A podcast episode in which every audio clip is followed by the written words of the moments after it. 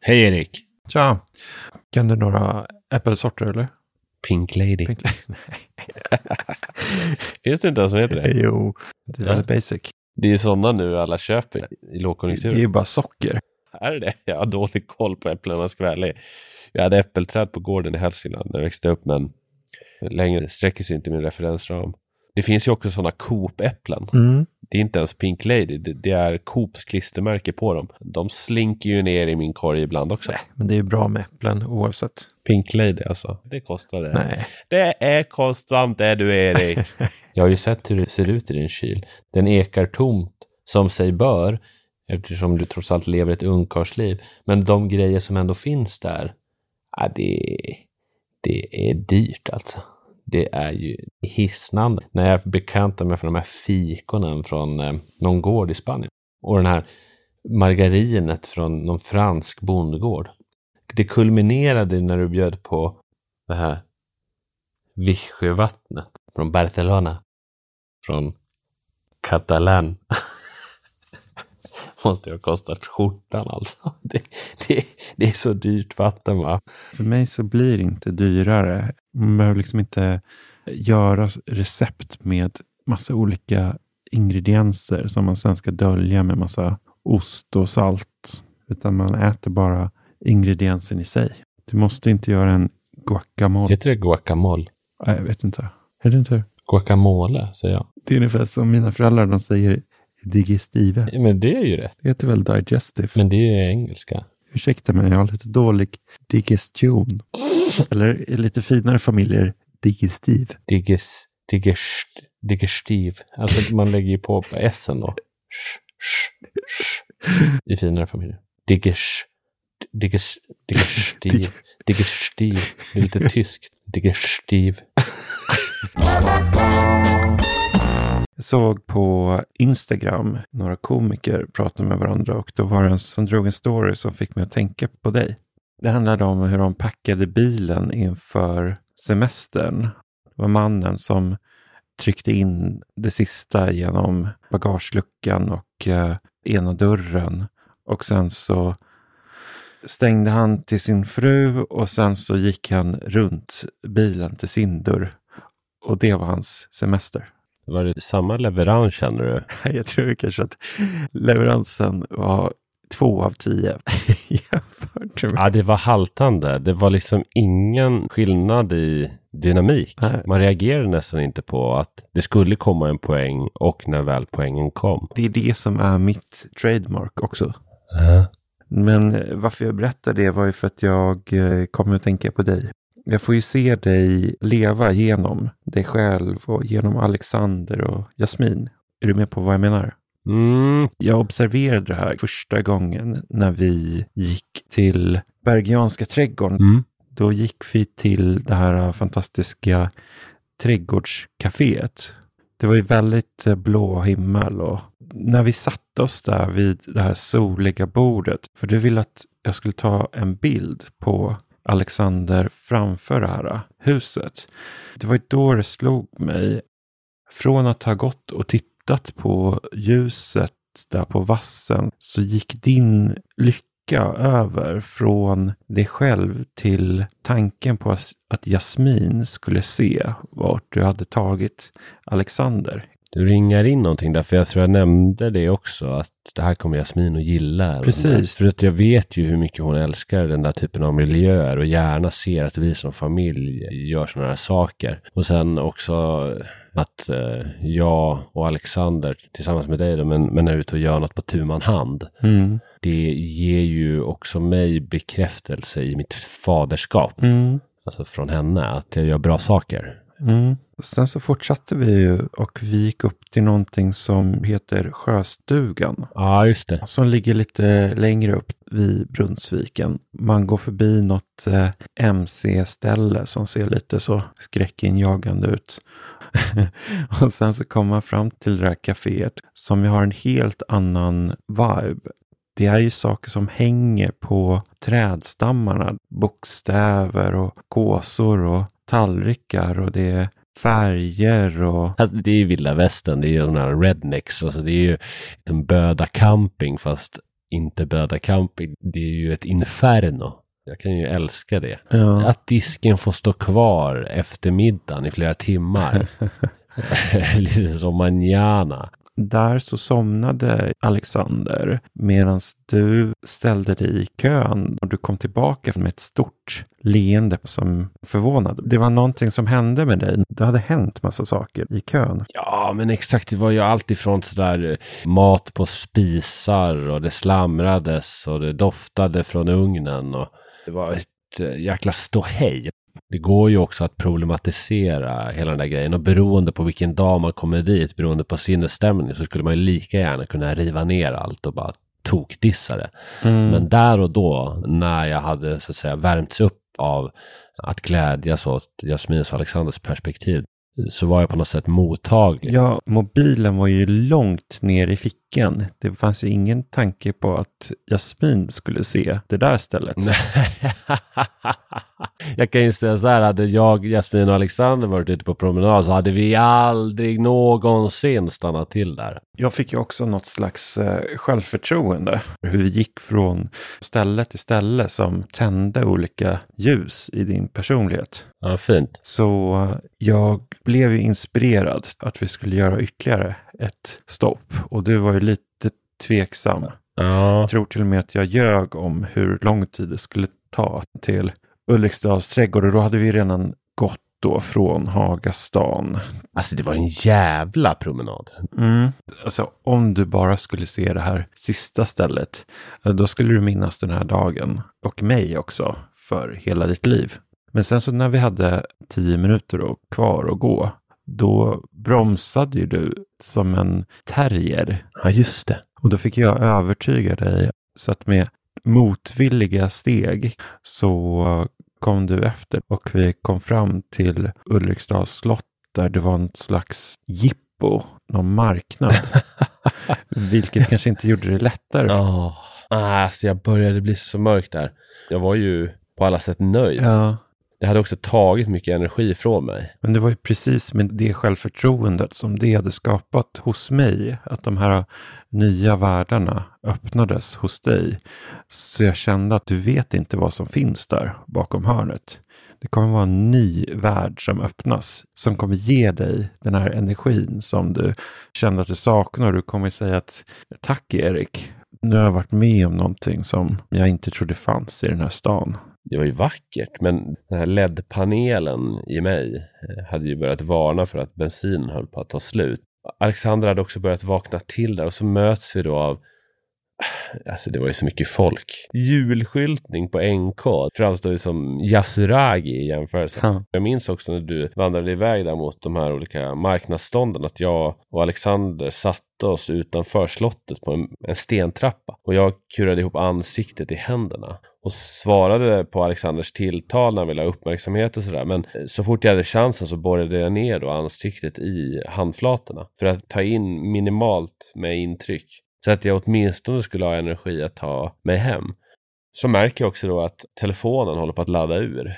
Och då känner jag ju så här, hur fan tar vi oss hem? Jag säger då, ja men vi, vi tar bussen. Och då börjar din energi att förändras lite. Ja, på något sätt var det som att du hade gett mig så mycket skit under de senaste 40 minuterna där jag började springa in i de här olika byggnaderna för att hitta mobilladdar. Eh, då kände jag att jag inte ville haka på.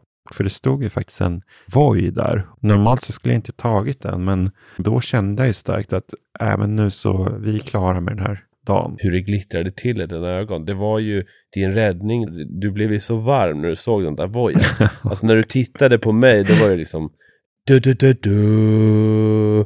Da, da, da, da, da, da, da. Och sen så, så slängde du blicken över axeln och såg vojen. Då var det liksom...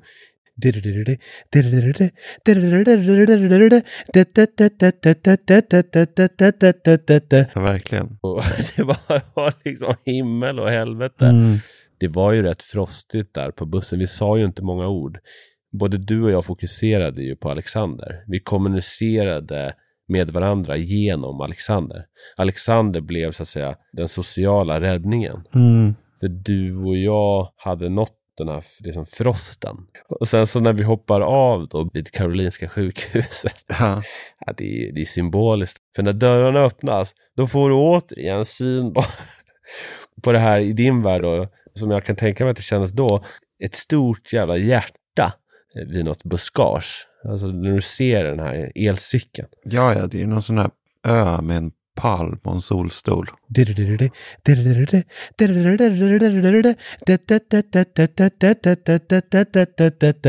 Och då säger du vänligt men bestämt, den här tar jag. Ja. Du vill inte heller bara abrupt trycka gasen i botten och åka därifrån, utan du försöker liksom fejda ut avskedet genom att så här halvgasa. Du duttar på gasen. Ja. Men några timmar senare så skrev vi ju fint till varann. ja, men det var fint. Jag skrev väl något att så här, vi, vi låter inte avslutet överskugga resten. Jag var ju mån om att bevara den här dagen som något fint. Mm. I grunden är det ju fint att du var så angelägen om att också visa mig Ulriksdals slott. För att det är lite som när man får skratt på ett skämt och drar skämtet en gång till. Man försöker fortsätta skämtandet för att maximera antalet skratt. Och så drar man det till sist för långt. Ja, dels är det av egen intresse för att man vill få en bekräftelse i det, men också att man vill glädja andra så mycket det går. Det här riktigt, riktigt, riktigt roliga skulle man kanske aldrig uppnå då om man valde att stanna i förtid. En annan gång kanske jag hade pikat där vid Ulriksdals slott. Hur skulle du beskriva den sista, den tredje delen om man säger så? Vad var du då personlighetsmässigt? Du, du, du, du. Da, da, da, da. Da, da, da.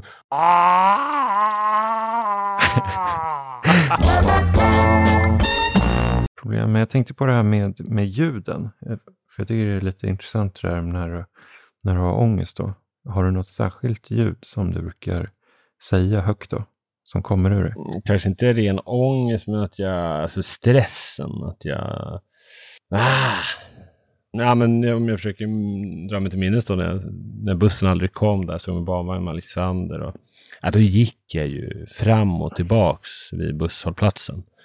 Mm. Alltså nästan så att jag gjorde som ränder i asfalten, för jag gick fram och tillbaka så många gånger, lite som uh, tecknade för Cartoon Network, du vet när det blir det är som en stor grop för de går fram och tillbaka så mycket. Mm. Nej, men då går jag liksom bara fram och tillbaka, fram och tillbaka. Stressad och uh, lätena kan ju vara alltifrån liksom...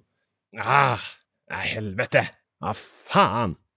Ah, det är ju själva... Så håller jag på. Jag, jag, jag hade ju en sån situation här Uh-huh. hemma hos mig. Den äldre damen som bor på bottenvåningen hade problem med eh, hon skulle vattna ute på innergården. Det finns en vattenslang som stod och droppade bara. Då ville hon att jag skulle komma och vrida på det där. Så att, eh, för den hade fastnat lite den här eh, nyckeln där också som man ska vrida på. Jag kände ju direkt pressen som 37-årig eh, kille, man, att eh, kunna lösa det där. Så jag vred ju så hårt jag kunde åt rätt håll då, men det hände ingenting. Den satt liksom, liksom fel i gängorna eller någonting. Så då började jag skruva på något annat ställe på liksom slangen för att få bort det där droppandet i alla fall. Och det slutar då med att den börjar spruta, jag skruvar av den och så börjar det spruta vilt åt alla håll. Hon står ju där i en, en blommig sommarklänning, stackars 80-åriga damen. Och jag, det börjar spruta åt alla håll så att det sprutar ner både mig och henne. Och det blir nästan överdrivet, det kan nästan se ut som att jag gör det medvetet. Och sen så bara står det och sprutar där så jag, och jag, och jag får inte på den där äh, slangen. Det bara fortsätter bli mer och mer vatten på, på innergården. Och hon är, vet inte vad hon ska göra och jag, jag börjar ge upp. Jag, vet inte, vad- jag känner mig maktlös och då kommer det ner en, en granne som jag vet är ganska händig. Och då lyckas vrida om den där nyckeln så att eh, vattnet stängs av. Det har ju befästs då inför henne och kanske övriga grannskapet att jag inte är någon som man kan lita på när det gäller eh, händiga göromål. Man vill ju inte vara den. Men hur kommer det här att, för jag menar, du har säkert haft en bild av vad hon har för bild av dig och det här skådespelet när man inte känner varann eh, i grunden. Och att man har den här, de här rollerna i, en, i ett trapphus eller mm, i matvarubutiken och så Nej, alltså de raserades ju. Att jag ska vara någon det går att lita på. Det och som dessutom är en god person. Det blev inte alls bra. Och då när jag kom upp till min lägenhet, då utbrast jag två eller tre eller kanske fyra gånger. Fuck! Fuck! Och jag tror kanske att det nästan hördes ut genom fönstret också. Hon kanske hade lättare att förlåta dig om hon hörde det där. Kanske, det kanske var bra. Eller så trodde hon bara att det var en kvinna där uppe. Så jag glömde bort henne direkt. Ja. Eller varför skulle jag, varför skulle jag varit en kvinna? Varför skulle jag sagt så till en Inte vet jag vad du säger. Jag kan tänka mig att du blir förbytt när du har sex. Lite som American Psycho kysser bicepsen eh, i spegeln. Ja, jag tänker så. Det var ju väldigt kort efter att jag kom upp. Så det var väldigt snabba ryck i sådana fall. Hon stod kvar på innergården i sin kalla klänning då. För att lyssna om hon om jag ventilerade det på något sätt. Och istället så är det det hon hör när jag kommer upp där. Fanns inte i att ventilera vad som hade hänt inför ditt sällskap, utan direkt så där, du stängde dörren och sen fick det vara bra med det och så fortsatte du då. Fuck! Fuck! Aha! Ha! Det är liksom, det finns ingen respekt mot någon. Johan vernissaget, när du liksom sålde in det här med att vi skulle ta ett omslag på hans, i han, hans stund som vi avhandlat. Och sen så liksom att du inte då väljer att eh, liksom ventilera ett dåligt samvete inför ditt sällskap i lägenheten efter att du har sprutat ner din granne. Och sen då hur du väljer att direkt spruta i sexakten utan att ge till din partner. Alltså på fem sekunder så går du från stäng dörr till ha! Ha! Det kan ju skrivas böcker om dig, Erik. Du är ju ett romanstoff. Jag inser ju det nu. När man går och famlar efter någon idé. Du är ju mitt framför mig. Nej, det är ju inte... Det är ingen bra människa. Det är ju... Men, men har du träffat din granne efter det här? Ja, ja nej det är bortglömt. Ehm, bortglömt? Det, um... Hur kan du säga så? Hon kanske är traumatiserad? Alltså, det är möjligt att hon är bra på att dölja det, men um, hon har inte frågat efter några fler saker, utan vi har, vi har gått över till andra ämnen. Diskuterar lite böcker och sådär. Ni famlar efter ämnen. Ni spelar tennis med blickarna. Hur tar vi oss igenom det här? med våran bakgrund. Ja, men så, så är det faktiskt. Ja, men jag har faktiskt glömt bort det. Frågan är om hon har glömt bort det. Jag tror inte det. Jag tror att det också att det har spridits bland de andra grannarna. Men projicerar du att hon eh, tänker någonting om dig nu? Något annat? Nej, jag har nog glömt bort det lite grann. Men nu när du säger det så. En annan, en annan grej är ju att hon, när jag har dejtat och så, så har ju de jag har dejtat då berättat efter en tid att eh, de har lärt känna henne. Och det har jag insett då att vid de perioder när jag kanske har träffat fler personer än en samtidigt och de kan ha varit återkommande eller sådär. Eh, bli väldigt märkligt då när det är flera olika som ska komma och vara trevlig mot henne. Men ja. Hon måste ju också vara väldigt likeable eftersom de här kvinnorna söker sig till henne. Eller är hon bara en sån hustomte som eh, alltid är där? Jo, men det är lite så. Men också väldigt ung i sitt sätt. Hon kanske gottar sig i det, att det blir som ett vardagligt drama för henne. Mm. Att hon lägger pussel, att hon blir lite av en detektiv. Att hon också ömmar för dig eller känner med dig att när ska Erik hitta kärleken? Vill han ens hitta kärleken? Vad är han för en typ? Egentligen. Mm. Hon är väl pensionär? Ja, absolut. Nej, för jag tänker, äh, man ska väl inte vara för, ha förutfattad mening kring pensionärslivet. Det kan ju vara gexmex och klackarna i taket i allra högsta grad. Kanske mer mm. än i andra perioder i livet. Men om hon lever sådär lugnt och stilla pensionärsliv, ensam kanske, och löser något sudoku eller korsord och tittar på eh, glamour som min farmor alltid gjorde. Då kan ju Erik Nordlander och hans dejtande vara en frisk fläkt i vardagen. Det kan nog vara så att det är ett samtalsämne. I bostadsrättsföreningen? Ja, skulle det nog kunna vara.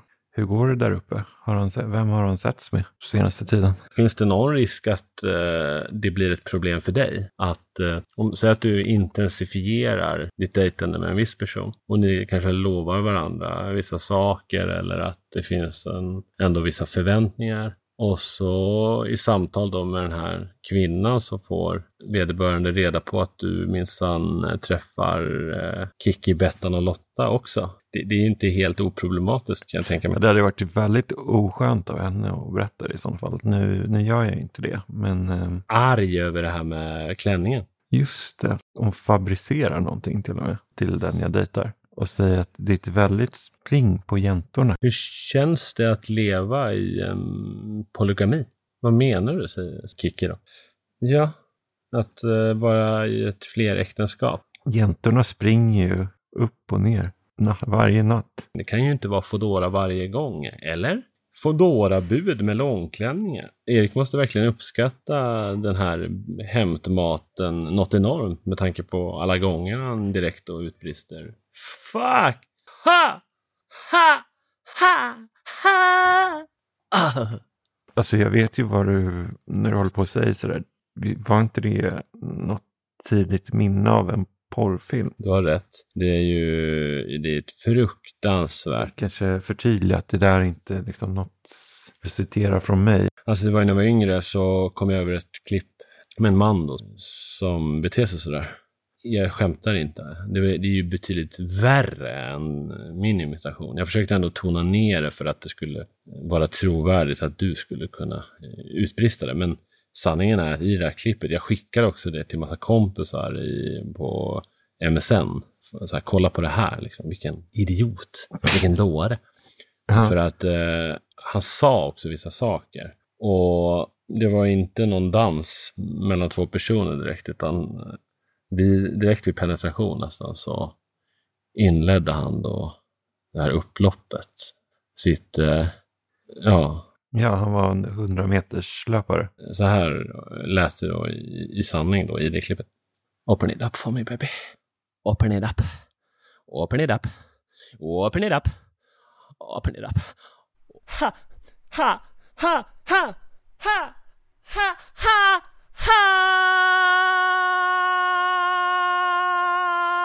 Open it up for me baby.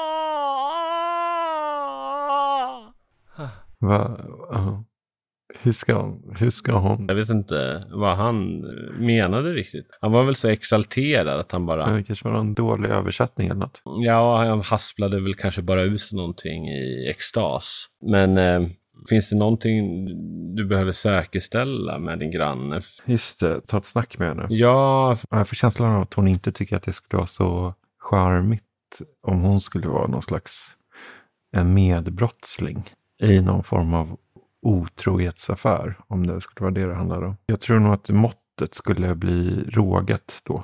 Att nu så är det lite under den nivån med det där som hände på innergården. Men skulle jag komma ner nu någon vecka senare och jag tror det skulle vara svårt. Skrattar du mycket då eller? Mindre och mindre. Hur kommer det sig? Nej, förut så det var närmre till skratt. Mm. Just nu så är jag långt till skratt. Jag undrar hur många, den genomsnittliga personen, hur många gånger den skrattar på ett dygn? Alltså det lär vara jäkligt många för vad man brukar säga att man vänder sig antal gånger per natt. Typ 20 gånger eller någonting. Man tror att man vänder sig tre gånger. Så jag skulle kunna tänka mig att det är samma sak med skratt. Hur många gånger tror du att man går på toaletten? Man kanske går tio gånger. Jag tror det är sex eller sju eller sånt där. Det borde ju finnas, precis som med stegräknare nu när psykisk ohälsa ändå är liksom vanligare än någonsin, att det finns i telefonen en kalkylator för hur många gånger man skrattar och så kan man liksom se hur man ja, ligger på ett underskott eller inte. Och gör man det, då tänkte jag igår, det borde skapas en app som tillhandahåller humorklipp. Så kan man liksom välja sin genre, om det nu är buskis eller satir eller ironi eller vad det kan vara. Mm. Och så försöker man då tvångsmässigt framkalla skratt för att komma upp i den rekommenderade dosen. Ja, det skulle ju vara enormt hälsosamt. Jag skulle säga att det är väl mer hälsosamt att se till att man har 100 skratt per dag än att ha 10 000 steg per dag. Men tänk om den som har 100 skratt också har gått 10 000 steg. Då jävlar. Mm. Det finns ju också väldigt många olika skratt. Och just det här liksom från tårna, alltså med hela magen och hjärtat hjärtat. Man Mm. nästan kiknar. Jag minns, det kunde komma till mig i vissa situationer när man inte fick skratta. När man satt i någon aula eller lyssnade på någon lärare och tittade på sin kompis i klassrummet. Mm. Ja, vi satt i riksdagen en gång i skolan. Kunde inte sluta skratta. Nej, det var så sjukt. Ja, det är ett underbart skratt. Ja. Och om vi ska göra, kunna göra liksom en affärsidé av den här appen, om vi ska liksom bredda affären så skulle vi också behöva inrätta skrattterapeutiska sessions, dit man kommer och skrattar. ja, om man bara har 48 skratt klockan fem över halv åtta. Då nyttjar man sitt månadskort och eh, svänger in på en klass. Deppigt om man bara har så här tre skratt. Eller inte ett enda skratt. Ja, men det är då jag tänker att man går på de där skrattklasserna. För där ligger man liksom på, ja, man har 48 av 50. Mm. Då räcker det ju att gå in på en sketch i appen och liksom casha in två skratt och sen är det klart. Mm. Men har du sett de här skrattterapeutiska sessionerna? Alltså det Nej. finns ju sån skrattterapi. Alltså de fejkskrattar ju tills man börjar skratta passionerat. Det går ju inte att värja sig mot det där. Nej. Vi kan prova. Ja, okej. Mm. Eh, nu kommer du in på min skrattklass. Och så säger jag, Mm. välkommen Erik, är du redo att skratta? Eh, jag tror det. Okej.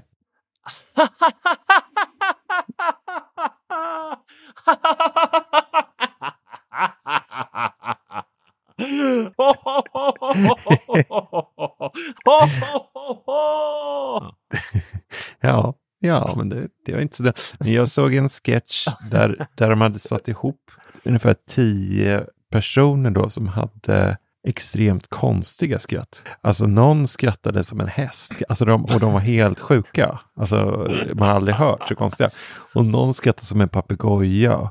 Och så, så började en efter en skratta och till slut var rummet helt fyllt av de här jättekonstiga skratten. Där var det svårt att hålla tillbaka. Men vad kände du nu då? Du hade ju kanske haft svårare att värja dig för den här galenskapen om du hade stått rakt framför mig. Mm. Men det lät ju ändå som att det sipprade fram. Ja, jag gillade det. Varför inte? Man har ju någonting emot det där också. Det känns lite tacky. Men eh, varför ska man känna så? Undrar om man liksom skrattar mindre och mindre med åren generellt sett. Från början när man föds är man en stjärnhimmel och så släcks en stjärna en efter en. Ja. Det där tror jag var också lite lånat från, jag tror Mark Levengood har skrivit något om det där. Eh, okej. Men man får ju mer erfarenhet och sådär. Man kanske inte nödvändigtvis blir mer intellektuell, men att man lär sig till exempel då sådär mekanismen bakom vissa skämt. Och Mm. ju mer man konsumerar något, desto svårare att den saken ger effekt. Jag tänker att ju äldre man blir, att det generellt sett är svårare då att skratta i tid och otid. Hur menar du? Ju fler R livet har åsamkat den, desto svårare att ha nära till skratt. Eller tvärtom, att man kanske känner sig så tacksam då. och Att man inte oroar sig över skitsaker. Mm. Skrattar man olika mycket, generellt sett i olika perioder av ens liv? Det lär man ju göra. Säkert något biologiskt i det där. Att det inte är så viktigt med skratt i 30-årsåldern. Men när man är 50 så kan man tillåta sig att skratta lite mer. Men vad fan, vi skrattar väl mycket när du och jag tar en tefatstor bulle på Café Saturnus. Det är ju skratt varje minut då. Ja, men det är det. Sen det när man var yngre, när man liksom låg på golvet, när det gjorde ont i magen. Det är lika ovanligt som att gråta. Just det. De är närbesläktade, skratt och gråt. Barn pendlar ju emellan. De kör ju samma muskel bara. Dur och moll. När man var 18 och skulle läsa tyska filosofer och sådär. Ja, då, då var det långt till skratt. när, när du var ute Ja. i natten och letade romankaraktärer och gick till eh, filmklubbar eh, med serber i Lavetta och sådär. I Valletta. Då var det långt till skratt. Eller som jag, liksom inbillar mig att jag eventuellt var en talang när det kommer till måleri och köpte hem en tavelduk. Skulle göra en målning till min kompis i födelsedagspresent. Satte på klassisk musik. Jag var ju rakt av en stereotyp då. Vit skjorta tog jag på mig, knäppte upp några knappar så bröstet tittade fram och jag stod barfota med uppkavlade jeans och sådär. Det kom för mig då att jag skulle göra en, någon slags ballong på något himlavalv, en symbol för frihet. Men jag höll på i alla fall, 30-40 minuter kanske. Och så tänkte jag att eh, nu ska jag se vad jag lyckas åstadkomma så här långt. Så jag tog några steg tillbaka, den klassiska musiken dovt i bakgrunden. Och så ser jag då till min stora fasa att det är en ren katastrof.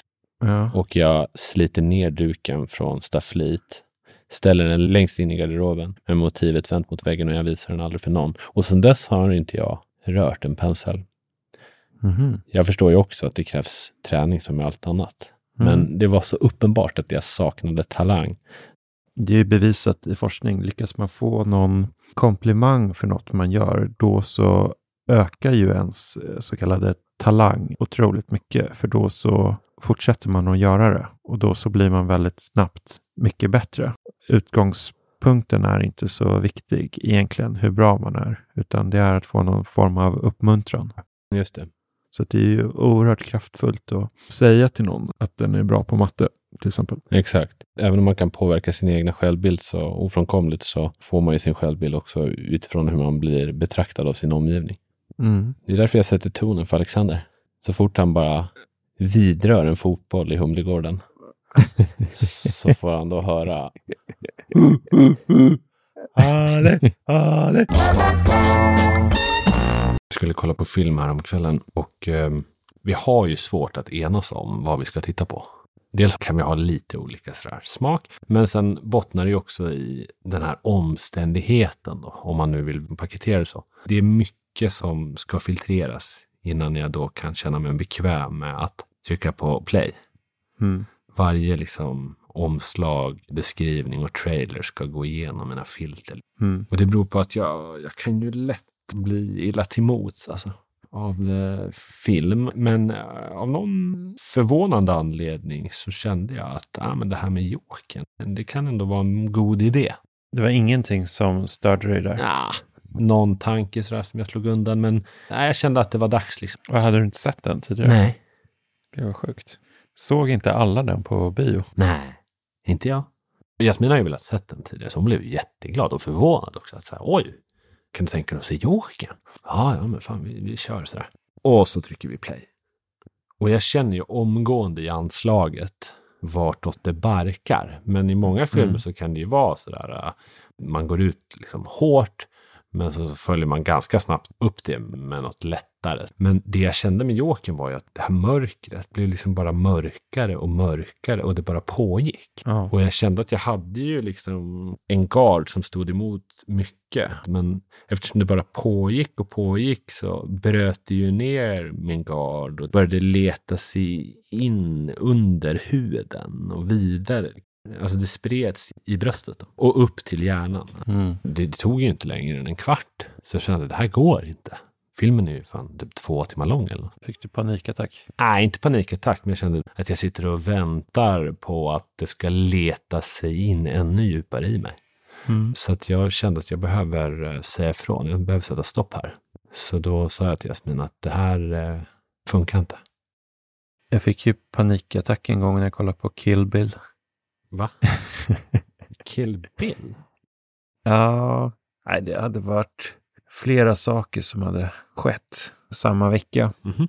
Jag hade ju suttit på ett eh, internetcafé i Valletta på Malta. Det här var så kanske nästan 20 år sedan. Och ehm, då var det någon som kastade in en smällare som bara exploderade. Och det här var ju också efter att det hade varit en del terroristattacker och så vidare. Mhm.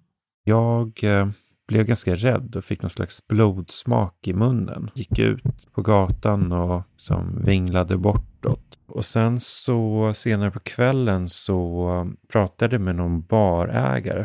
Och då så började han snacka om att det fanns såna här biologiska vapen som kunde skada en inifrån. Så att även om jag inte hade skadats på utsidan så så jävla taskig grej att säga av honom.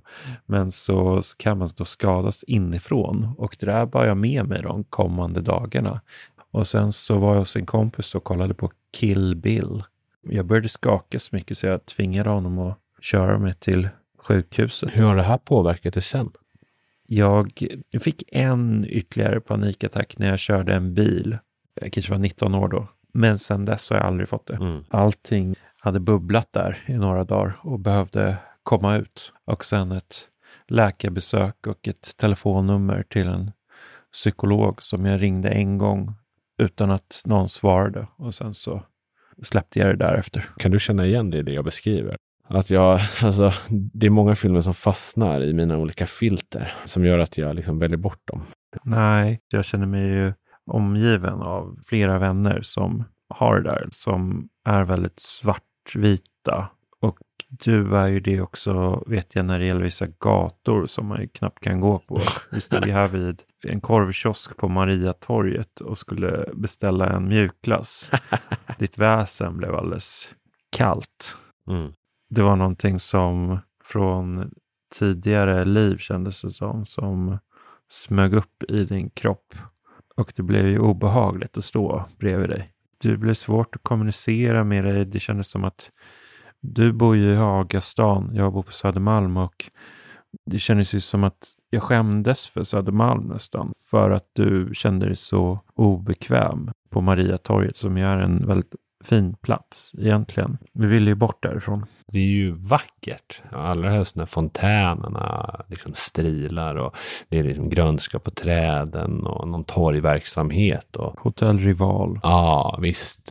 Sekelskifteshusen. Ja, sorgligt. Alltså det är ju vackert. Men mm. när jag kommer dit då och ser kanske någon person från mitt förflutna, inte någon jag har något otalt med, men som ändå påminner mig om mitt tidigare jag eller mitt tidigare liv. Då kommer ju liksom inte platsen undan det här filtret och den här hinnan som läggs. Mm. Genom vilken jag betraktar hela omgivningen. Så jag hatade ju Mariatorget där och då. Mm. Jag återhämtade mig aldrig riktigt och jag ville liksom avsluta vårt umgänge. För vi gick ju bortåt eh, Slussen.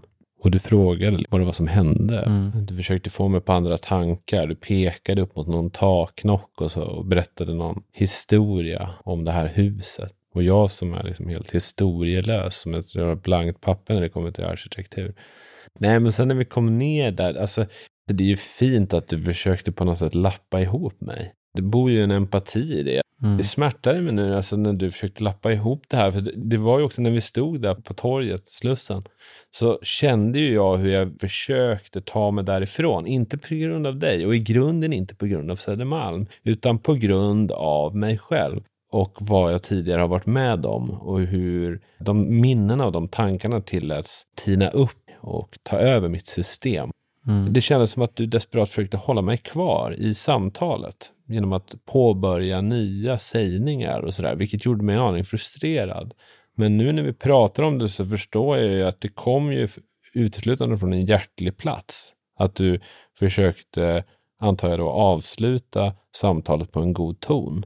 Att kanske få ett leende av mig, eller i bästa fall ett skratt. Du kanske i retrospekt skulle ha testat eh, en annan metod. Du kanske skulle ha sagt eh, Chris, välkommen. Är du redo att skratta? Att se dig bli så extrovert publikt på ett offentligt torg. Va?